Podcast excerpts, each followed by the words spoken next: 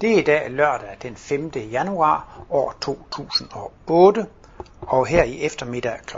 3 skal jeg i den store sal på Martinus Institut holde foredraget Verdenssituationen og jordklodevæsenet. Ja, jeg vil i dag gerne holde et foredrag om verdenssituationen og jordklodevæsenet. Sidst jeg stod her var for et halvt år siden. Det var, husker jeg tydeligt, det var en strålende septemberdag med solskin og dejlig varme. Og her i dag er det jo frost og bidende koldt med den stærke blæst. Men jeg synes, jo ældre jeg bliver, jo mere tænker jeg på det, Martinus har sagt om kredsløbsprincip og sultermættelsesprincippet og kontrastprincippet. Jeg synes, det passer mere og mere.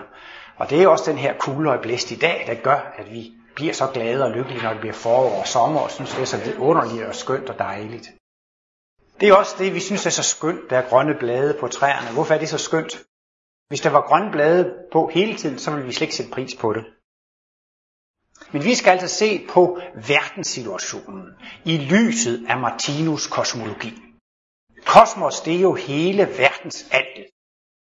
Martinus' øh, verdensbillede, Martinus kosmologi, er jo meget omfattende, fordi det Martinus skriver om, det er simpelthen alt eksisterende.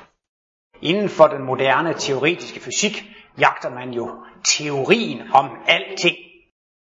Og teorien om alting skulle jo så kunne forbinde de stærke og de svage kernekræfter og de elektromagnetiske kræfter og gravitationskraften. De vil gerne have en fælles teori, som kan forklare alting. Men så er det, jeg tænkte for mig selv, jamen herregud, teorien om alting, det er jo Martinus kosmologi. Fordi Martinus, han tager alt i betragtning, fra det uendelige nede i mikrokosmos til det uendeligt store i makrokosmos. Han tager altid med, han regner med en evig fortid og en evig fremtid. Det er simpelthen, alt er inkluderet. Og dette, øh, alt eksisterende, mener han så, det er jo så verdens alt. Det er ikke noget, som er begyndt med Big Bang og noget, som har en endelig størrelse på 15 milliarder lysår. For Martinus er verdenstaltet evigt og uendeligt. Og summen af alt, hvad det eksisterer, det er et eneste stort levende væsen. Det levende verdensalt. Det er kosmos. Og Martinus mener, at kunne påvise, at hele livet er styret af en lang række lovmæssigheder. Der findes ganske vist nogle tilsyneladende tilfældigheder. Men studerer man naturen grundigt, så ser man jo, at alt i naturen er hensigtsmæssigt og fornuftigt. Så derfor kan man altså også sige, at kosmologi det er læren om det velordnede univers. Dette universvæsen er opbygget af levende væsener, der igen er opbygget af levende væsener, der igen er opbygget af levende væsener, der er opbygget af levende væsener. Og øh, det er det, vi skal tage højde for, når man skal se verdenssituationen i lyset af Martinus kosmologi. For normalt så tror man, at det er os mennesker, som er alt afgørende for verdenssituationen. Det er et makrokosmisk anlæggende for Martinus. Han mener jo altså, at jordkloden er et levende væsen. Og øh, det er der vel egentlig også sådan flere og flere inden for videnskaben, der kan gå med til at acceptere. Man har sådan en længere række kriterier for, hvornår noget er et levende væsen. Det skal kunne gøre det, og det skal kunne gøre det. Og øh, jordkloden, den opfylder alle betingelser på nær én betingelse, og det er det der med, at alle levende væsener skal kunne formere sig eller reproducere sig seksuelt. Og det er sådan noget, man ikke sådan lige helt har tjek på, hvordan jordkloden formerer sig. Jeg kan bare lige i parentes sige, at Martinus skriver i livets bog, bind 2, noget om, at, at jordkloden er født af, sol, hvad solen, er solsystemsvæsenet. Men Martinus mener så altså, at jordkloden er et levende væsen, og at vi mennesker lever inde i et levende væsen, og at jordkloden lever inde i et andet levende væsen, som er solsystemet, og at solsystemet lever inde i et levende væsen, som er galaksen. På samme måde som vi har en levende organisme, der er opbygget af levende organer, der er opbygget af levende celler, der er opbygget af levende molekyler, atomer og elementarpartikler. Det fortsætter et uendeligt nedad, og det fortsætter et uendeligt opad. Det vil så sige, at livet er et sammenspil mellem flere, hvad Martinus kalder for spiraler. Martinus har altså beskrevet syv spiralkredsløb. Vi er jo i mellemkosmos. Det er det, han kalder for øh, ja, mellemkosmos. Og under os har han beskrevet tre spiraler. Det er organernes spiral, og cellernes spiral, og stoffets spiral med atomer og molekyler. Og os, så er det jordkloden, jordklodespiralen, og solsystemspiralen og mælkevejsspiralen. Så øhm, det, der tror jeg, som er mest aktuelt i forbindelse med verdenssituationen, det er jo klimadebatten. Og øh, det er jo mange, der mener, at Fordi menneskene brænder så meget fossil brændsel af, vi brænder utrolig meget olie og kul af, og vi brænder jo også meget træ, og når man brænder ting af, så udvikler det jo, brænder organisk materiale af, så udvikler det vand og koldioxid.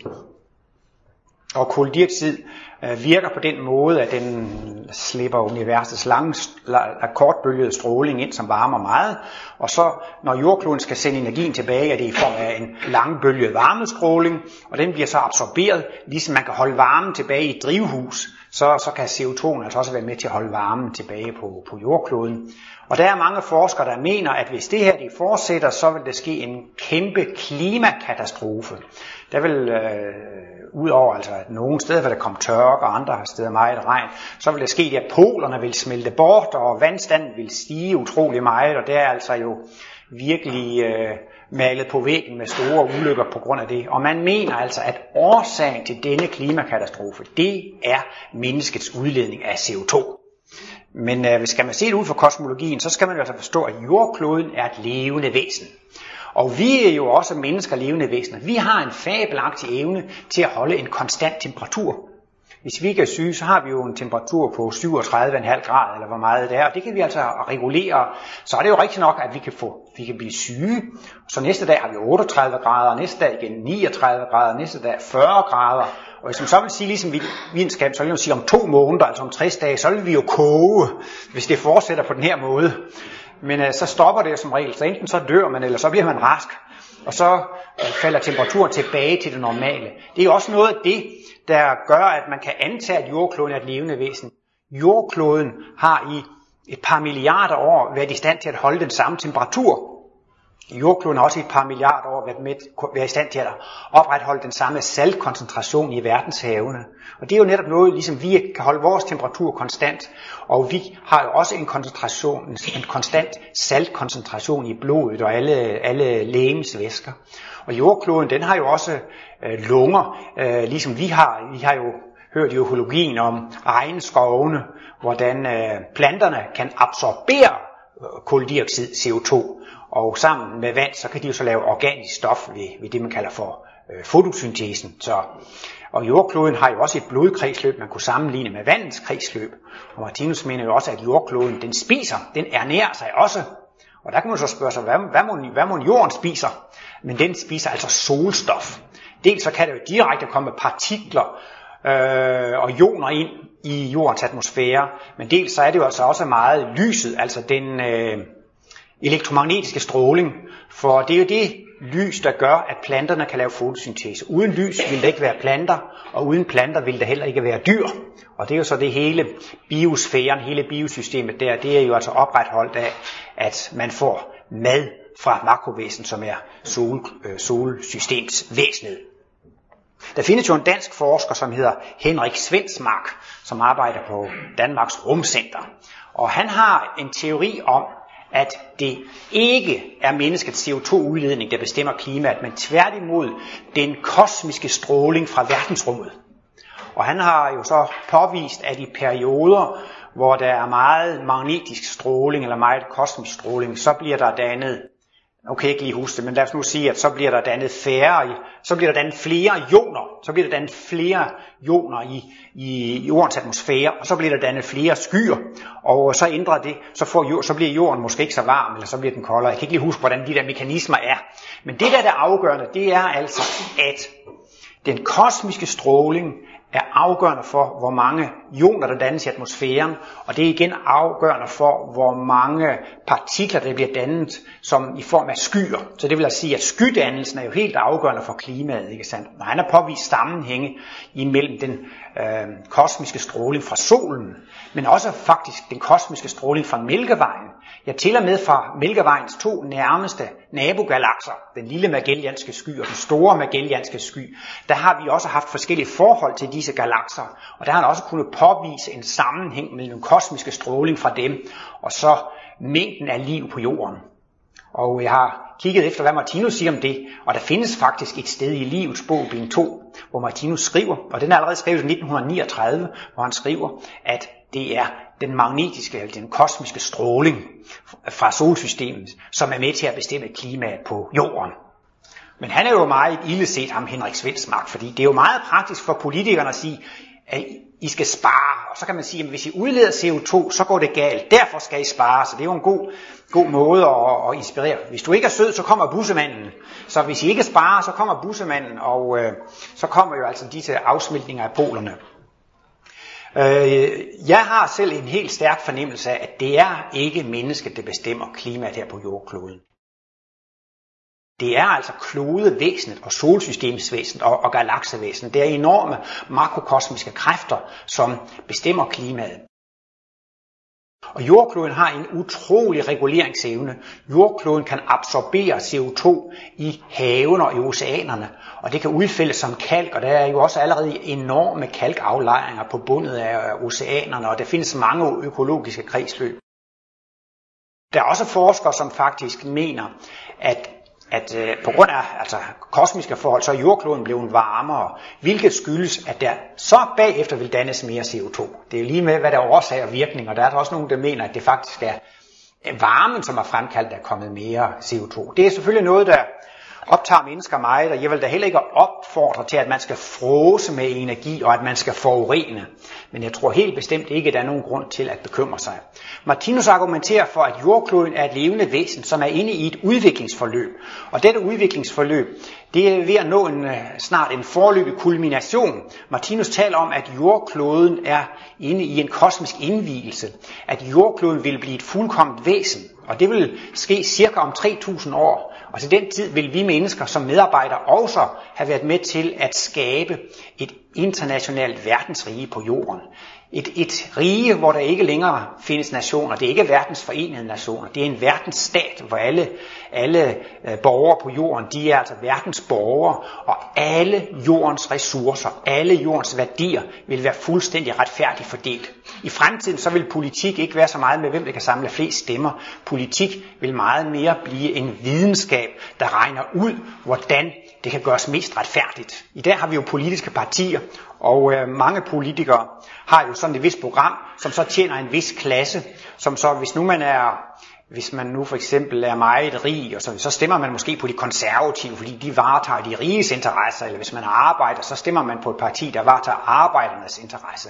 Men i fremtiden vil verdensstaten varetage alle menneskers interesser, så det er ikke nogen.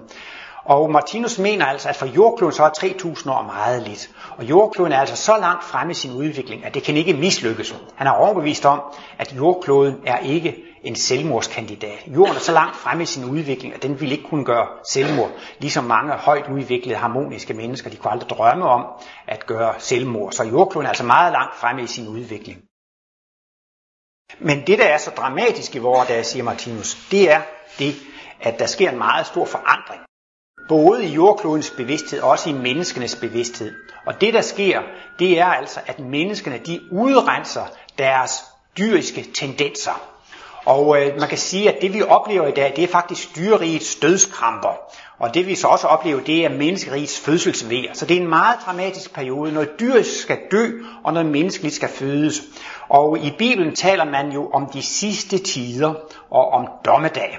Og i den nordiske mytologi taler man om Ragnarok. Til sidst går det så galt, så selv guderne kommer op at kæmpe. Regin betyder vist guder, og rock det betyder kamp. Så til sidst kommer guderne op og slås, så er det klart, så ryster det hele i sin grundvold. Og på engelsk har man jo også nogle ord med kataklysm, altså kataklysme, og også Armageddon, som vist er en by nede ved Israel, hvor der skal et meget stort slag ved de sidste tider. Så der er jo meget dommedag snakker de sidste tider. Og Martinus har altså en tolkning af dommedag. Han mener, at det ikke er en dag, men det er en tidsepoke. Og det er den tidsepoke, vi lever i nu.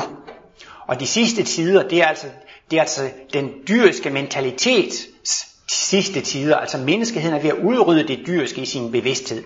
Og det sker altså så ved en ret dramatisk udrenselsesproces. Det kan jo være nogle gange, hvis vi har levet af, af chips og marcipan og vin og brød og kaffe og, og pomfritter og remoulade og sådan noget, så synes vi det sidste, nej, nu skal vi virkelig udrenses. Og nogen griber måske lige frem til helt at faste.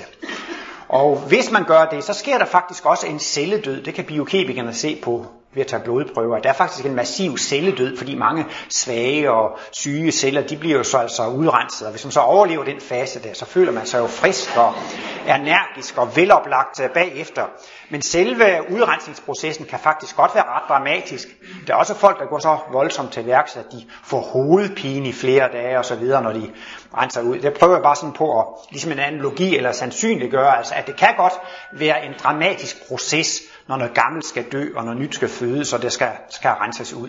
Og det, der er så mærkeligt, det er altså, at øh, set i vores perspektiv, så indebærer denne udrensning af den dyriske mentalitet en hel række krige. Martinus mener, at krigen har altså en ganske bestemt mission, og det er, at den skal skabe erfaringer. Vi skal lære af krigen. Og øh, Martinus taler jo om, at der findes nogle livslove, og de består jo i, at den energi, man sender ud, den kommer tilbage til en selv, fordi der er en naturlov, som får loven for bevægelse, den energi, man sender ud, går i en krum bane og, og kommer tilbage igen. Og der har Martinus så det synspunkt, at det ikke er for, at vi skal straffes, at det skal gives igen, at det skal hævnes, men det er livets pædagogik. Det er altså en konsekvenspædagogik, det er også noget, en eller anden speciel gren af pædagogikken, som man ligefrem har kaldt konsekvenspædagogikken. Og det er jo så ligesom, man indskaber meget, at dem, der bliver undervist, de skal virkelig være meget bevidste om, at hver handling, hver valg, det gør, det får altså en konsekvens. Men livet har altså også en stor konsekvens øh, pædagogik. Og det er jo så altså det, at når man kan ende og dræbe andre mennesker, så er man ikke selv beskyttet imod at blive dræbt. Og mange er jo utrolig bange for krige og, og verdenskrigene. Men der gælder altså også en kosmisk lov. Man er selv beskyttet i den samme grad, som man beskytter andre. Så hvis man selv er et fredeligt væsen og ikke kan nænde at dræbe andre, så er man selv beskyttet mod at blive dræbt. Martinus siger, at der ligger ligefrem sådan en, en, et, et kraftfelt i ens aura, så er man beskyttet imod at, at blive dræbt. Og kan man godt finde på at dræbe andre, jamen så er man altså ikke selv beskyttet mod at, at, at blive dræbt.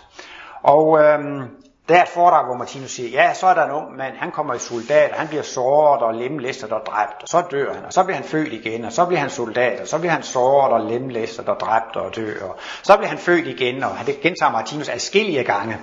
Men til sidst, så har altså denne mand oplevet krigshelvedet så mange gange, så på et tidspunkt siger han, nej, nu er det sidste gang, jeg går aldrig i krig mere. Og sådan har det da også været med de mennesker, der har oplevet skyttegravshelvedet i Første Verdenskrig. Der var mange, der sagde, nu vil jeg aldrig krig mere. Efter 2. verdenskrig er der nogen, der har sagt, nu vil jeg aldrig krig mere. Der har også været folk, som har været i, i Vietnam og Irak og så videre. For hver krig er der nogen, som siger, jeg vil ikke i krig mere. Men jeg ved det ikke. Det kan da godt være, at man har 50 eller 100 eller 500 inkarnationer som kriger. Men en dag, så har man altså oplevet den sidste krig, for så siger man, nu vil jeg ikke mere, fordi man har mærket krigshelvede så meget på sin egen krop, at man er hjertet er blevet pacifist. Man holder op med krig, fordi man kan ikke nænde. Der er også et udtryk, der siger, ja, det gjorde så ondt, så jeg ville ikke ønske, at min værste fjende skulle opleve det. Og det er jo der, vi skal hen, altså, at, øh, at vi virkelig også skal føle med vores værste fjende. Vi skal altså føle, vi skal også komme til at føle så meget for dyrene, at vi ikke kan ende og spise kød og være med til at slå, slå dem ihjel. Så det der virkelig er den, den endegyldige årsag, grund til at blive pacifister, for den sags skyld også at vegetar, det er simpelthen det, at man kan ikke nænde at være med til blodsudgivelse. Man kan ikke tåle blodsudgivelse. Og mange i dag vil også være vegetar, hvis de selv skulle slagte kalven og, og hønsen. Og, øh, men det tænker man ikke så meget på, når man køber det pakketeret og indpakket i plastik og folie. Så tænker man ikke lige på, hvad det er. Men det er da et meget positivt træk, at mange af dem, der spiser kød, ikke selv ville kunne være med til at, øh, at slagte det. Så man kan faktisk sige, at krigene er pacifistfabrikker. Det vil altså sige, at jo flere krige der er, jo flere pacifister bliver der produceret. Som Martinus siger, i virkeligheden skal vi ikke være bange for krigene. Fordi de, der er humane og kærlige, de er beskyttet mod krig. Og øh, krigen vil altså kun ramme dem, som for hvem det er nødvendigt at få den oplevelse for at blive pacifister. Og der har jo været utrolig mange profetier om kommende verdenskrige. Og der er der også mange mennesker, som ikke engang er profetiske, sådan som bare ud fra almindelig snusfornuft, er begyndt at tale om en tredje verdenskrig, fordi at, øh, at øh, der er jo virkelig store konflikter i verden, og det blev jo specielt optrappet der den 11. september, da, øh, da terrorister skød de to tårne ned over i øh, New York. Og så sagde Bush jo, at nu skulle man bekrige terrorismen. Nu skulle, gik, gik man i kamp mod terror, men statistikken viser, at siden den dato er der bare blevet mere og mere terror. Og det passer jo også med de kosmiske analyser. Man kan ikke udrydde terror ved at gå i krig med terror og kæmpe med terror. Det bliver simpelthen bare værre og værre. Fordi krig kan ikke udryddes med, med krig på den måde. Så, så det, og der er jo mange også, som ligefrem mediterer for, at øh, der ikke skal komme en tredje verdenskrig, og der er lavet eksperimenter med meditation om, at øh, der er en større gruppe mennesker, sætter sig ned og fromt og tænker på, på, på, på fred og kærlighed i Chicago måske, og så viste det sig, at kriminaliteten i den periode, hvor man bad og mediterede meget, der gik kriminaliteten ned, og så mener man så, at man kan ændre verden med meditation eller bøn. Men det er da muligt, at i den periode har forbryderne ikke haft så meget inspiration til at gøre deres forbrydelser. Men når de så holder op med at bede og meditere, jamen altså, så, så, så vil kriminaliteten jo komme igen. Det er nemlig det ved det. Man kan ikke forandre andre menneskers udviklingstrin med bøn og med meditation. Man kan ikke, fordi ens udviklingstrin, det er lige med ens sum af tidligere erfaringer. Det er udelukkende summen af ens egne erfaringer, der bestemmer ens udviklingstrin. Det kan andre mennesker ikke forandre. Det eneste, der kan forandre ens udviklingstrin, det er egne oplevelser. Og øh, der er vel også mange forældre, som har bedt meget for deres børn osv. Nogle gange så har bønden måske nok hjulpet, og andre gange så har det været helt forgæves, at børnene skulle altså gøre de fejltagelser. Forældrene kunne se, at det var en fejltagelse, men børnene kunne altså ikke se det. Jeg kommer lige til at tænke på en spørgetime, som Martinus havde i den her sal for mange år siden. Der er der så en, en mor, der spørger, altså, der siger altså, at, at hun har en datter, som har fået en forfærdelig kæreste, og hvad hun så kan gøre for at forhindre datteren i at se den kæreste, eller være sammen med den kæreste, fordi moren mener, hun kan se, at det går helt galt. Men det siger Martinus med det samme i sit svar. Det kan forældrene ikke lægge sig i. Det kan man ikke blande sig i. Der skal barnet jo have lov til at gøre sine egne erfaringer. Forældrene kan jo ikke forhindre et barn i at have en bestemt kæreste, vel? Og det kan selvfølgelig være grimt nok for nogen at se, at det, de kan se, hvor det bærer hen af, ikke? men det er ikke noget at gøre. Alle mennesker har lov og ret til at gøre deres erfaringer. Ikke sandt? Så selv forældre, de kan måske i bedste fald, eller værste fald, dressere deres børn til at være høflige og give hånd og bukke og, og sådan noget. Men lige så snart de er uden for forældrenes rækkevidde, så opfører de sig så præcis som de vil. Og sådan er det altså også, at, at hvis det virkelig er mennesker, som kan nænde og dræbe andre mennesker, så hjælper det ikke noget, at man beder og mediterer nok så meget over hele jordkloden for, at der ikke skal komme flere krige. Og Martinus han kredsede tit om det i sine foredrag. Især de sidste 10 år var Martinus tit inde på, at der ville komme flere verdenskrige. Øh, han siger, jeg ved jo ikke, hvornår der kommer. Jeg må ikke undersøge sådan noget med min kosmiske bevidsthed. Den må han kun bruge til at lave kosmiske analyser med.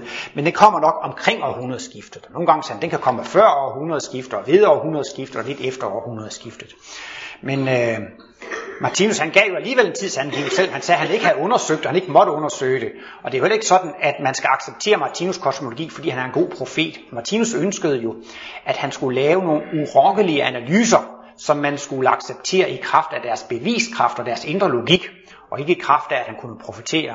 Det hedder så også, at der var en, en dame engang, der sagde til Martinus ved et selskab hvis øh, du kan flytte den der lampe med tankens kraft, så vil jeg tro på det, du har skrevet. Så kunne det jo selvfølgelig være fristende for Martinus at prøve, så man ikke lige kunne flytte lampen.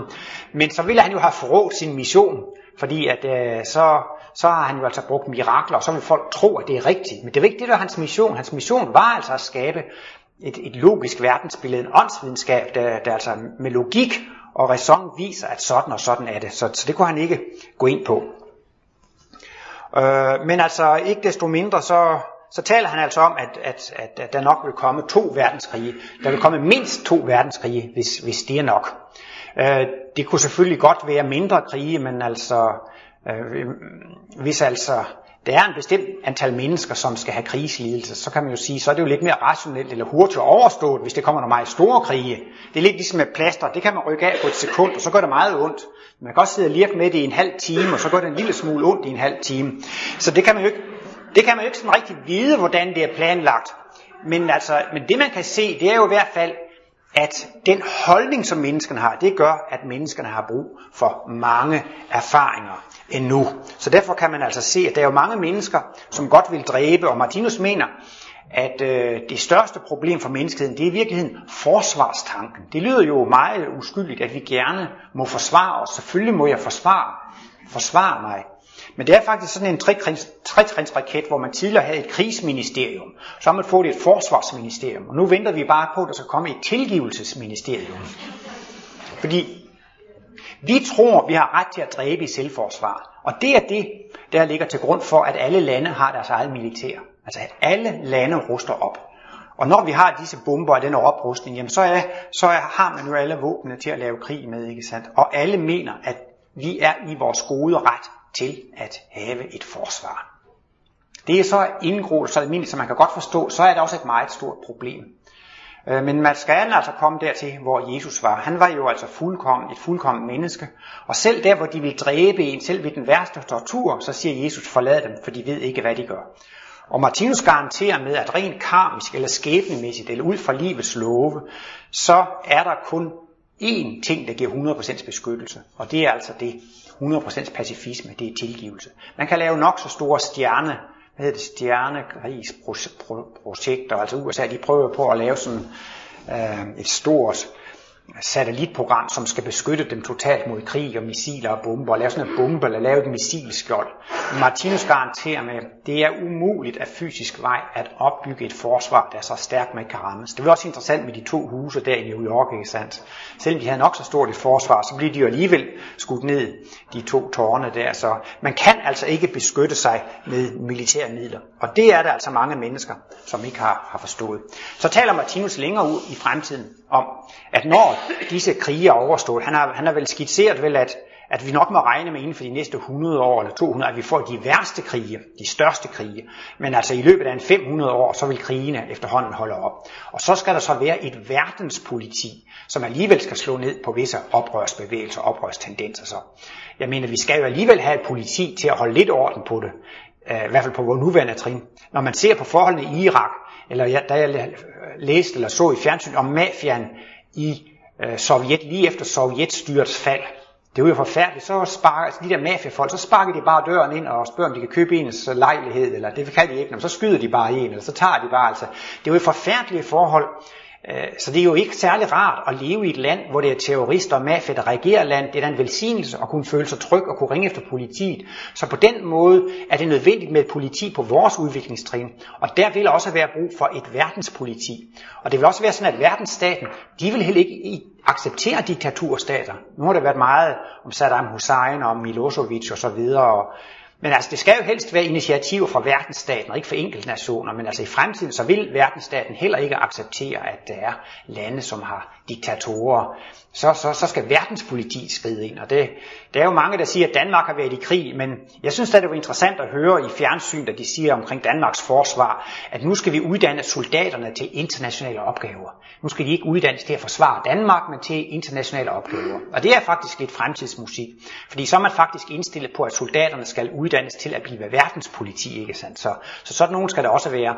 Men det var jo lidt ulykkeligt, at det var USA, og ikke FN, der bestemte at gå ind i Irak. Og der har de måske også have visse øh, interesser i forbindelse med olien. Men i øvrigt mener jeg heller ikke, altså, at, at verdensstaten eller FN skulle acceptere en diktator som, som Saddam Hussein. Så, øh, og det er også interessant, at USA de går i bræschen for demokrati. Og Martinus mener altså, at den største hindring mod et sandt verdensdemokrati, det er stormagterne. USA taler jo også nu om en ny verdensorden. De er supermagt nummer et og den eneste. Og de har ret til at gøre, hvad de vil, fordi de er den stærkeste. Det har intet med verdensdemokrati at gøre. Ligesom altså faktisk også vetoretten i FN er, hører heller ikke fremtiden til. For det er også en hindring for verdensdemokratiet. Og det er jo altså stormagterne, som har vetoret der. Så det, det er også noget, man skal komme bort fra. Og noget af det, man vil se, der kommer til at ske i de kommende krige, det vil også være, at supermagterne kommer til at miste deres magt. Og det skal så altså, og efter de kommende krige er der ingen vinder, der er kun taber, og de vil altså i den grad så også svække stormagterne, sådan at, øh, at det kan bane vejen for et, et, et rigtigt uh, verdensdemokrati. Og det vil så altså sige, at jo flere, der har lidt krigens smerter og lidelser, de vil altså tage afstand fra det. Og for jordkloden, der taler Martinus om, at det er sådan en ret dramatisk proces, fordi det er en meget voldsom udrenselsesproces. Han siger, at efter disse krige, så vil jordkloden blive løftet op på et højere plan. De vil blive løftet op på et kristusplan.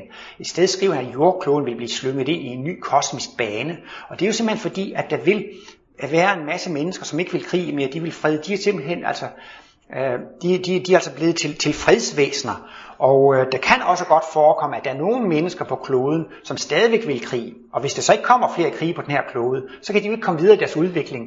Og så bliver de faktisk nødt til at inkarnere på andre planeter. Jeg er jo meget interesseret i fodbold, ikke sandt? Og, så det er næsten ligesom sådan en første division. Hvis man spiller rigtig godt, så kan man rykke op i Superligaen. Men hvis man spiller meget dårligt i første division, så kan man rykke ned i anden division. Og øh, Martinus mener, at tidligere har det ligefrem været sådan, at der har været mange højt udviklede mennesker på denne klode, men de kunne ikke få kosmisk undervisning, de kunne ikke øh, studere åndsvidenskab, og deres samtid var så primitiv, så de var faktisk nødt til at inkarnere på andre kloder for at komme videre i deres udvikling. Så det er sådan set både mulighed for, at man kan rykke op og, og man kan rykke ud. Og folk ville jo selvfølgelig gerne være født på en meget højt udviklet planet, men hvis man var født på en planet med rigtige mennesker, så ville man jo være den mest primitive, så ville man være bæstet. Det er da ikke så rart at gå rundt og være den mest primitive. Og man vil ikke komme videre sin udvikling, for man bliver aldrig korrigeret. Der blev ingen ballade, de vil altid være flinke og rare ved en. Men så vil man sige, jamen så vil jeg gerne være nummer et. Jamen så bliver man jo bare sat ned på abernes planet. Det er jo ikke meget sjovt at være den klogeste der, hvis man skal omgive sig af aber hele tiden. Så det lykkeligste og det bedste, det er faktisk, at man bliver født ind på den planet, som man er på bølgelængde med. Og når der drejer sig om inkarnation, siger Martinus, der gælder love for tiltrækning og frastødning, som garanterer, at isbjørne ikke får hundevalpe, og, og at giraffer ikke får flodhester osv. Men at netop at hunde får hundevalpe, og katte får kattekillinger, og mennesker får menneskebørn, det skyldes faktisk loven for tiltrækning og frastødning. Og denne lov sikrer også, at vi mennesker inkarnerer på en klode, som er på vores udviklingstrin. Vi er jo ikke rigtige mennesker endnu, vi er hvad Martinus kalder for jordmennesker. Og vores planet er heller ikke fuldkommen endnu, det er en jordmenneskeplanet i store træk, så er jordkloden på samme udviklingstrin, som vi er. Fordi øh, den samlede menneskehed er faktisk bærer af jordklodens bevidsthed. Martinus har også forklaret, at tidligere på jordkloden har der været høje kulturer, altså forskellige højkulturer. Men den har jo været båret af visse mennesker og visse kulturer. Så hvis man vil vide noget om, hvordan jordkloden, hvad tænker jordkloden på, hvis jordkloden er et levende væsen, hvad tænker jordkloden på? Jamen, de tanker jordkloden har, de afspejler sig i jordklodens kulturer. Så de gamle højkulturer, der har været, de afspejler altså, hvad jordkloden har tænkt på på det tidspunkt. Og faktisk nu, hvis jordklodvæsenet øh, tænker på, at nu skal, vi, øh, nu skal der ske mere grønt og mere økologisk osv., så, videre, så er det faktisk ligesom, når vi efter jul og nytår siger, nu skal jeg til at leve sundt, at jordkloden siger, nu skal jeg til at leve mere sundt. Det bevirker, at der inkarnerer mennesker, som er øh, interesseret i grøn tænkning, økologi og miljø og sund levevis, så bliver de tiltrukket. Og øh, der er altså et meget interessant sammenspil imellem jordklodevæsenet og verdenssituationen, fordi vi mennesker er så altså redskaber for jordklodevæsenet. Hvis jordklodevæsenet er ved at blive meget humant, så skal der også inkarnere mange humane mennesker. Martinus mener, at de mest humane mennesker i verden, det faktisk er dem, der bor i Skandinavien.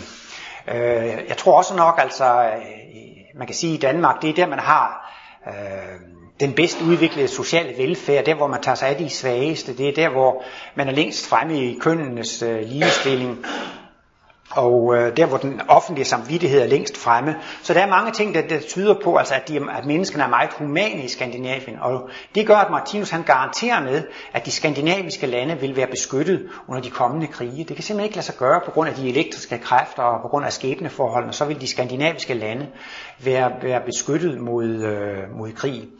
Øh, og sådan, men derfor kan det jo godt være danskere, som kommer ud et sted i verden, hvor der er krig, fordi de netop skal have en krigskammer. Det kan også være mennesker i lande, som kommer i krig, men hvor de enkelte individer jo så altså bliver beskyttet mod, mod, mod en krig. Men øh, vi inkarnerer altså der, hvor vi passer ind. Sådan er det også, når vi skal inkarnere og skabe en krop. Så får vi også organvæsener, som er på vores udviklingstrin, som tiltrækker cellevæsener, som er på det rigtige udviklingstrin. Derfor er det meget ulykkeligt, det her med, at man vil implantere grisehjerter i mennesker. Fordi at, øh, det er også et levende væsen, og det er en meget stor fejl at implantere et grisehjerte, altså et dyrehjerte i en menneskeorganisme. Det, det passer slet ikke ind. Og det er også, Martinus anbefaler heller ikke, at man tager et hjerte fra et menneske og sætter ind i et andet menneske, netop også fordi der er så store forskelle. Det er ikke sket i kraft af loven for, for tiltrækning og, og, og, og frastødning. Og det interessante er jo så, at Martinus gør gældende, at alle konger, kejser og præsidenter, de er i virkeligheden udvalgte af jordklodvæsenet. Jordklodvæsenet er et levende væsen, og det er den, der bestemmer. Nu øh, ser I sikkert også fjernsyn, og nu er de jo rigtig godt i gang med valgkampen over i USA, og det er jo en stor mediebegivenhed, og nu har de så haft øh, den allerførste afstemning i Iowa. Og øh, der har alle jo regnet med, at her vinder Hillary Clinton øh, for demokraterne. Men så er det jo ham her, Obama. som nu har vundet det, det første lille valg derovre, og Hillary Clinton blev kun nummer tre. Jeg synes også lige, da jeg så ham på fjernsyn, han så meget selvsikker, smilende og charmerende ud. Og øh, hvem det bliver, det er altså, altså ifølge Martinus jordklodevæsen, som afgør det. Og hvis jordklodevæsen vil have ham og Obama, så får han altså støtte og styrke fra den åndelige verden. Og det, er også, det vil også give ham en kraft og en charme og en udstråling. Og det vil altså også gøre i forbindelse med hele deres valgkamp og i fjernsyn, og der vil ske en masse ting, som vil gøre, at han vil blive fremmed frem for andre. Så det mener Martinus altså helt afgjort, at det er altså øh, jordklodeånden, det er som bestemmer, hvem der skal være øh, præsident. Og øh, for eksempel da Napoleon og Hitler øh, gik i krig mod hele Europa, der havde de også en enorm nedgang, en enorm styrke. Og det hænger så sammen med, ifølge Martinus, at jordklodvæsenet har haft et lille irritation, en slags vredesudbrud. Det skriver han blandt andet om i en bog, der hedder Den ideelle føde. Der taler Martinus nemlig meget om klodevæsen og organismer, organer og celler. Og der kommer han ind på at forklare, at første og anden verdenskrig, der var jordkloden jo noget irriteret, ikke sandt? Og det vil så sige, at, øh, at Hitler, han var faktisk et redskab for jordklodvæsen, da den var i sådan en, en vred eller en irriteret tilstand. Og det gjorde, at han fik en enorm nedgang. Så det var jo ikke Hitler alene mand, der gjorde det der. Det var simpelthen det, at han faktisk havde he, hele jordklod, eller havde det meste af jordklodet bevidstheden med sig i, i, i, i, i denne proces. Jeg tænker også på en artikel, som Martinus har skrevet, Jordklode ånden, menneskehedens skytsengel nummer 1. Der findes en lille artikelserie, og det er Kosmos nummer 1, 2, 3 i 1998. Der går Martinus meget ind på at forklare det der forhold mellem jordklodeånden og de enkelte lande. Og øh, der går han også gældende, at her på jordkloden har der været mange øh, diktaturstater, men vi ser jo udviklingen, hvordan det ene diktatur falder efter det andet, ikke sandt? Det er jo et stort fremskridt, at den ene diktator falder efter den anden, men det er jo stadigvæk mange diktaturstater. Og øh, det er jo meget nemt at sige, jamen det er Hitlers skyld, og det er Milosevic's skyld, og det er Saddam Husseins skyld, og det er Papadok's skyld, og hvad de hedder, alle de der diktatorer, det, det er deres, deres skyld. Det er da nemt nok for os at kritisere dem. Men Martinus siger, at vi gør faktisk det samme. Fordi hvis der er nogle mennesker, vi ikke kan lide, vi kan godt være en eller anden form for konflikt. Der er nogle mennesker, vi er irriteret på, vi er vrede på dem, vi er irriteret på dem. Så siger Martinus, det er ikke godt for os selv. Det er altså noget, der er med til at ødelægge vores egen sundhed. Martinus siger, hvis vi bliver vred på andre, så går det ud over de andre, når vi slynger hele vores vrede og vores aggression ud på dem. Men inden det kommer så langt, så skal det igen vores eget system. Og der ødelægger vi altså også vores selv. Øh, og hvis altså vi er vrede og negative har negative tanker og bærer nideren af over for vores medmennesker, så er vi med til at ødelægge forholdene i vores egen mikroverden. Martinus har ikke lavet et sygdomskatalog, men han sagde, at principielt ville han godt kunne lave et katalog over årsagen til alle sygdomme. Og han siger, at der er jo altså en kosmisk årsag til alle sygdomme, men han har indimellem givet nogle eksempler. Og det hyppigste eksempel, det er nok det der med, at hvis man er alt for vred og ikke kan styre sit temperament, man er alt for kolerisk og vred, så får man hjertefejl, og kan også få lungefejl. Man kan bare se med Anja Andersen, hende der håndboldspiller, nu har et voldsomt temperament, men allerede i ung alder, så må hun til at gå med pacemaker. Og det kan være, det, nej, det, men altså man kan jo se sådan at mange steder, det der er mange steder, man, at det synlande passer, og det kan da også godt være, at nogen er meget vrede og aggressiv, de har ikke fået hjertefejl endnu, men så kommer det. Martinus taler, Martinus taler nemlig om, at en sygdom har to trin, og det første det er årsagsstadiet, og det andet det er virkningsstadiet. Og årsagsstadiet, det er det, som er årsagen til den. Og det kan så sige, at vrede og aggressive tanker kan være årsag til. Og så en dag, så mærker man lige pludselig, hov, jeg har ondt i hjertet, hov, jeg har ondt i, i lungerne, hvor det er. Så er man kommet til virkningsstadiet, det der hedder symptomstadiet. Og så kan man sige, så er det desværre for sent. For så er man jo syg, når man kan mærke symptomet, ikke? Og så kan man måske skal igen en længere, lige så lang periode, hvor man skal prøve at tænke rigtigt, i stedet for at man har tænkt på den forkerte område. Men det vil så sige, at vi kan jo nemt nok kritisere andre landes ledere osv. Men altså hvis der er diktaturstater, så lider befolkningen jo enormt meget under dette diktatur. De har det ikke godt i diktaturlandene, vel?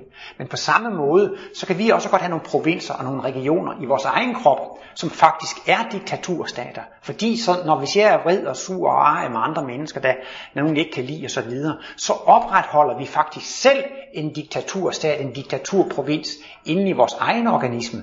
Så ligesom man kan sige, at det er jo skønt, at nu faldt uh, diktaturet i det og det land der, ikke sandt? Så skulle man også kunne sige, hvor er det skønt, nu har jeg tilgivet det menneske og sluttet fred med det der. Jamen så er det jo altså blevet fred i mine indre organer, mine indre provinser. Så det synes jeg også er meget tankevækkende, når man skælder ud og kritiserer politikere.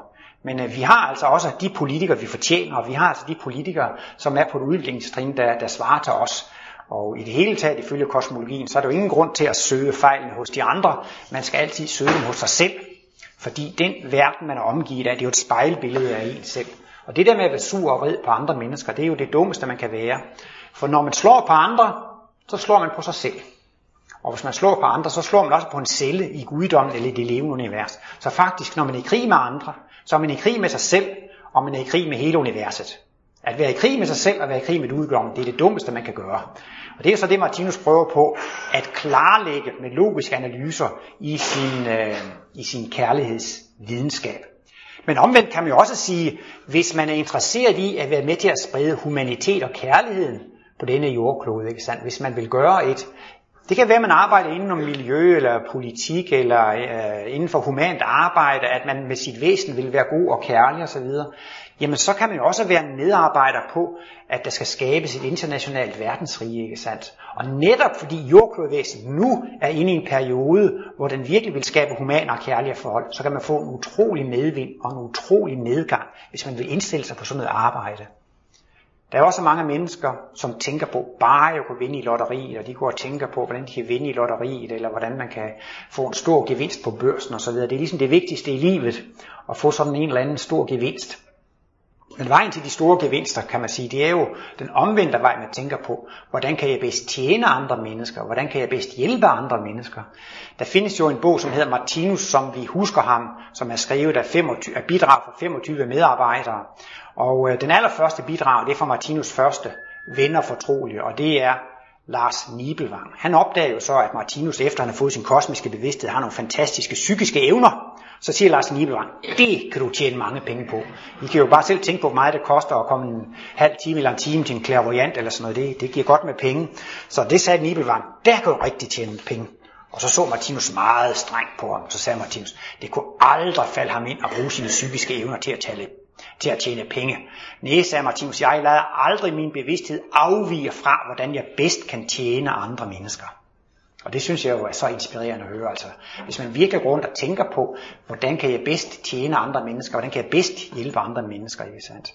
Og så har man hele den åndelige verdens medhold og hele den åndelige verdens Øh, støtte.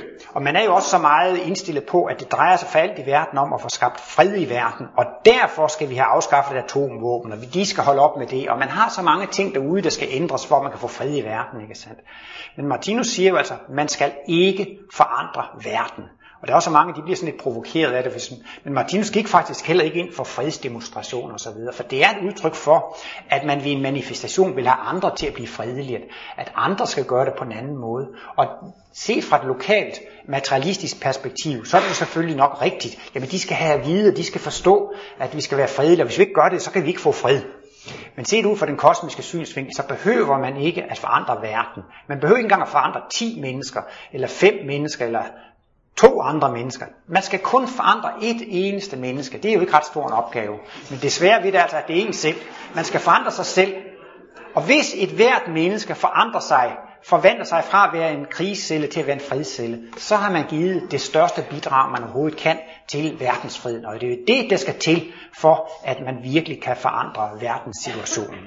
Og Martinus er også inde på i forbindelse med sine analyser, at de har egentlig ikke så stor en værdi hvis det kun er noget med at studere, fordi det er interessant. Disse analyser får først deres store betydning, når man prøver på at omsætte dem i praktisk væremåde. Ikke sandt? Der var også en gang, som var bekymret for, at hun kunne miste interessen for Martinus analyser. Og så spurgte hun, er der risiko for, at jeg kan miste interessen for det? Så sagde han, så længe man prøver på at omsætte disse analyser i praktisk væremåde, så vil man ikke kunne miste interessen for øh, analyserne. Der var også øh, i en gang Martinus holdt en tale i forbindelse med sin fødselsdag, det var sin 85 års fødselsdag. Og der talte han så om, hvem øh, de første mennesker her på jorden det vil være, som fik kosmiske glimt, og som fik kosmiske bevidsthed, altså som nåede den store fuldkommenhed og, og indvielsen. Så siger han altså, at de allerførste små symptomer på det er, at man kan få nogle sekundoplevelser i form af kosmiske glimt. Og så, så sagde han, jamen altså, hvem bliver de første? Jo, siger han, Øh, jordmenneskeheden kan deles i tre store grupper. Og den første gruppe, sagde han, det er en gruppe mennesker, som vil få grov karma. Og det er de mennesker, som godt kan dræbe i forsvar, og de vil ikke finde sig i noget. Det manglede bare, og de er villige til at gå i krig og hellig krig osv. De vil altså få en meget voldsom og en meget grov karma. Men så sagde han, men så er der også en anden gruppe mennesker. De er sådan set relativt fredelige, men de kan alligevel få en streng skæbne, fordi de betjener sig af den narkotisk animalske ernæringskilde.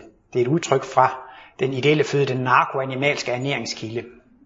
Og det vil sige, at ved at indtage alkohol og narkotika og tobak, så forurener man jo meget voldsomt. Der er også mange, som går ind for, at vi ikke må forurene jordkloden, men så ryger de selv cigaretter, eller de drikker måske selv alkohol, så, så, så hjælper det ikke så meget. Det hjælper selvfølgelig lidt, at de prøver på at ikke at forurene, forurene ude i naturen, men, men, men den største opgave, man havde, det var jo at stoppe forureningen i sit eget, og så kunne man måske bagefter tage fat på ikke at forurene så meget derude.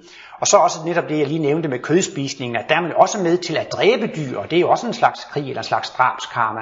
Så når man betjener sig af den narkotiske animalske ernæringskilde, er man ikke helt beskyttet mod en, en, en, en grov karma, og det kan jo blandt andet udmyndte sig i sygdomme. Men så er det så, Martinus siger, at man danner skæbne på tre store områder, og det er ens relation til andre mennesker, i ens relation til dyrene, og i ens relation til mikrokosmos. Og der er det jo så, altså, at man skal prøve på at være god og kærlig over for andre mennesker, og være god og kærlig over for dyrene. Og så skal man også prøve på at være god og kærlig over for sine egne mikroindivider, hvor organerne og cellerne og molekylerne, de er også levende væsener. Og denne kærlighed kan man praktisere til mikrokosmos ved kun at indtage sunde nærings- og nydelsesmidler, plus også ved at have gode og kærlige tanker, så bliver det altså virkelig et paradis for øh, ens øh, mikrokosmos. Og der er også skæbnemæssige forhold imellem makrokosmos og mikrokosmos. Det jeg gør imod mit mikrokosmos, det kan jordkloden gøre imod mig. Og der er nemlig mennesker, de bliver født på steder i jordkloden, hvor der er et elendigt klima, et dårligt klima, hvor der er forurening, forfærdelige forhold. Så er det jo faktisk jordklodvæsenet, som mishandler sine små mikroindivider. Fordi hvis det er mennesker, der lider under klimaet, så er det faktisk jordklodvæsenet, som mishandler sine mikroindivider. Men så omvendt, hvis jeg er syg, der går et sted hos mig, så er det jo mig selv, der er årsag til den sygdom. Så er det jo mig, der mishandler mine mikroindivider. Så, så derfor er det også vigtigt, at vi praktiserer kærlighed på, på, på, på det forhold. Men øh, ja, der var også engang en medarbejder, som spurgte Martinus, hvad kan jeg gøre for at blive højere udviklet? Og så sagde han bare, du skal gå ud i verden og gøre en masse dumheder. Fordi man lærer af sine erfaringer. Han er, man kan godt være lidt humoristisk, men jeg tror, man skal et eller andet højtidligt råd. Men det er jo så altså, det, man skal ikke være ked af, at man gør noget forkert, fordi det lærer man af. Og derfor skal menneskeheden egentlig heller ikke være så ked af, at der er så mange katastrofer og krige lige for tiden, for det giver erfaringsdannelse. Man kan altså faktisk sige, at sygdom, det er vejen til sundhed. Hvordan skal vi lære at leve sundt? Jo, fordi dengang jeg levede på den måde, så fik jeg den sygdom, så det holdt man så op med. Så levede man forkert på en anden måde, så fik man en anden skavank, og så holdt man op med det. Så sådan er det faktisk. Sygdom er vejen til sundhed.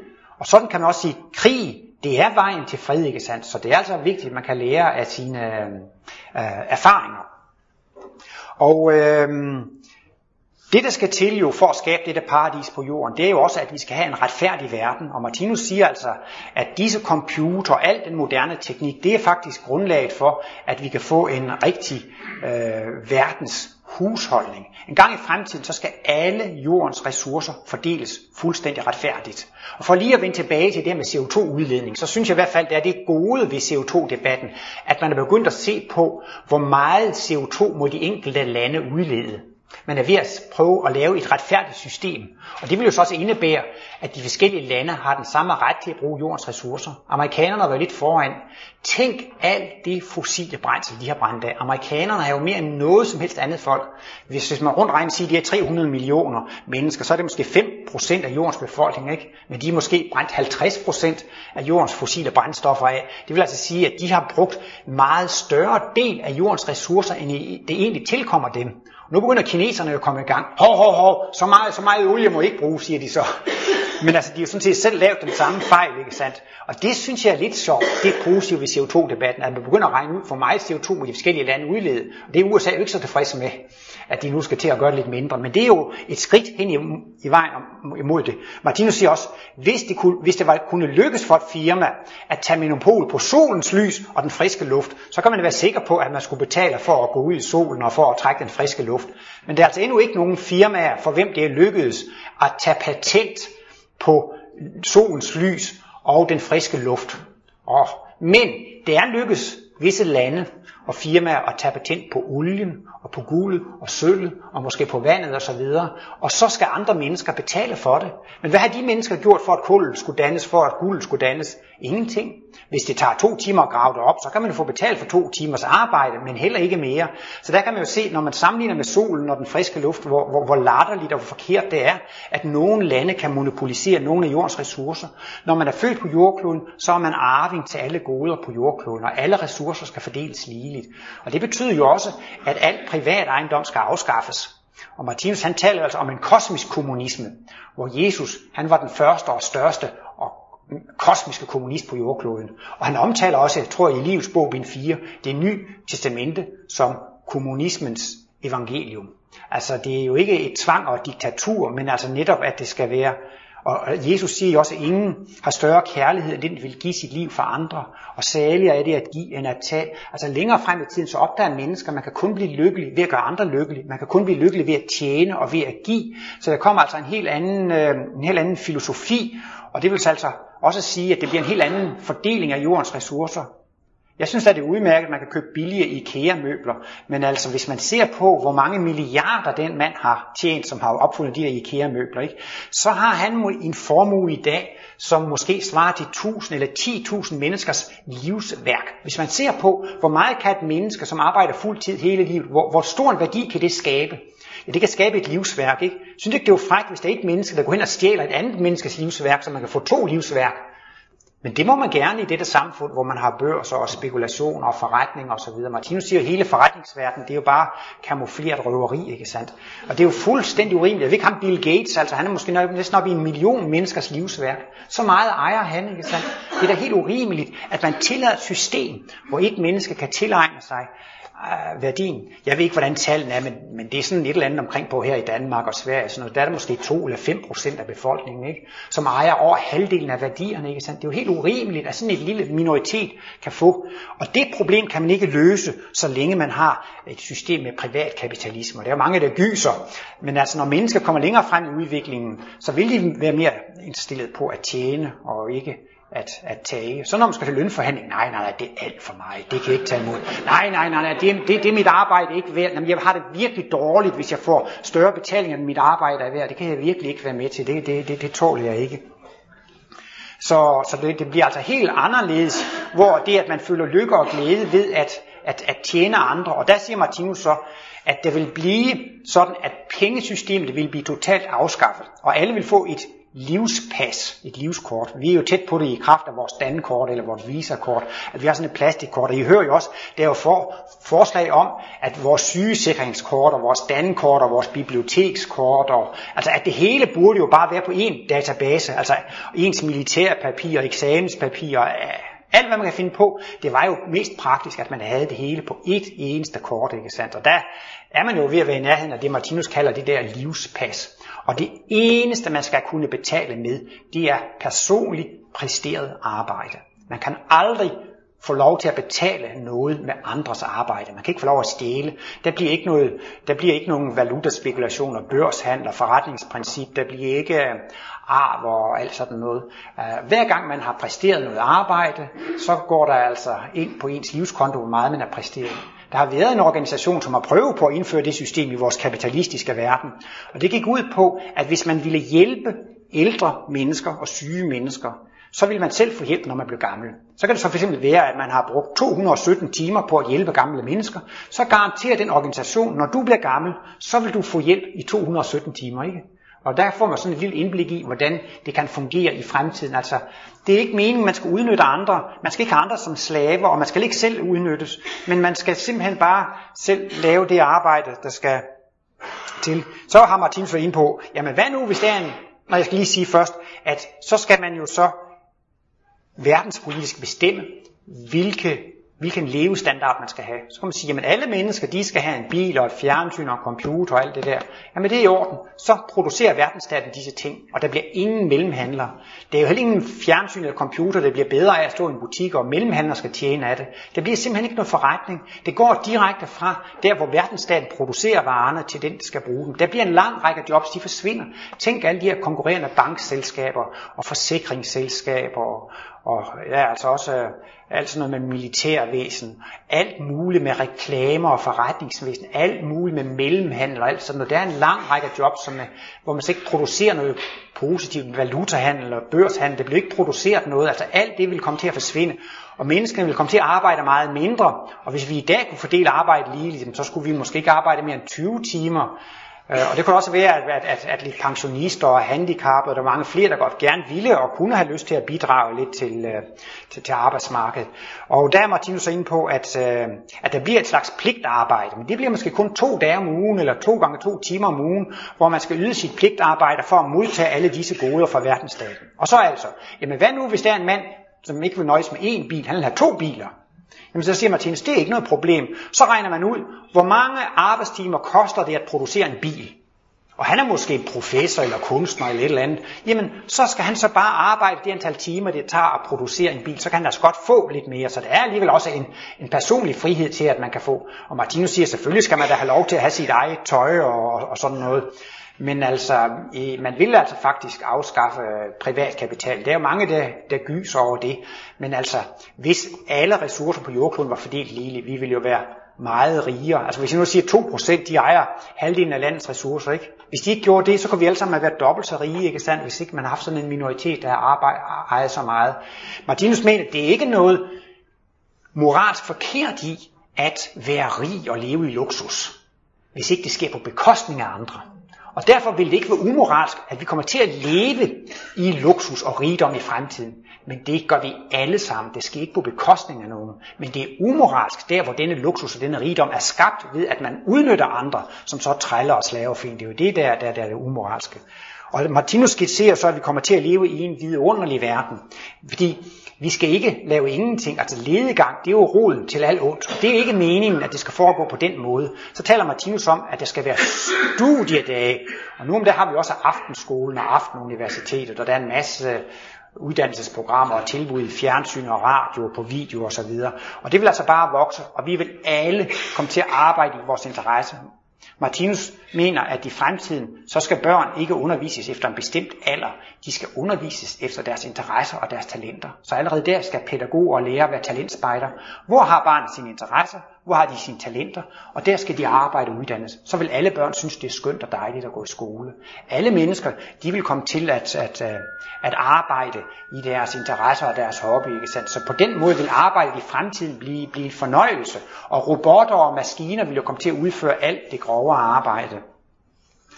Og øh, resten af tiden vil så blive disse studier der. Hvis man gerne vil læse astrologi, eller Martinus kosmologi, eller Esperanto, eller de europæiske idéers historie, hvis man gerne vil lære at spille klaver, eller hvis man vil lære at male og tegne, danse ballet, altså alle de interesser, man måtte have, alle kan få lov til at, udnytte sig uddanne sig i det. Og Martinus mener, at vi vil altså blive genier på alle livets områder. Og det bør jo også med det, altså det har det formål, altså man kan sige, sådan nogle genier som Beethoven og Bach og Mozart og Beatles. Og tænk alle de mennesker, de har glædet med deres musik. Tænk alle disse smukke hjem, vi har med smukke malerier og reproduktion osv. Altså disse store genier har jo givet en enorm gave til menneskeheden. Og tænk hvilken vidunderlig skøn verden, når vi alle sammen bliver genier, og alle sammen kan underholde hinanden, og alle sammen kan tjene hinanden. Så jeg vil bare slutte af med at sige, at selvom verden måske nok står over for visse problemer i den nærmeste fremtid, så siger Martinus, hvad betyder dog det, når man tænker på, hvilken umådelig lys og lykkelig fremtid, der ligger og venter på menneskeheden?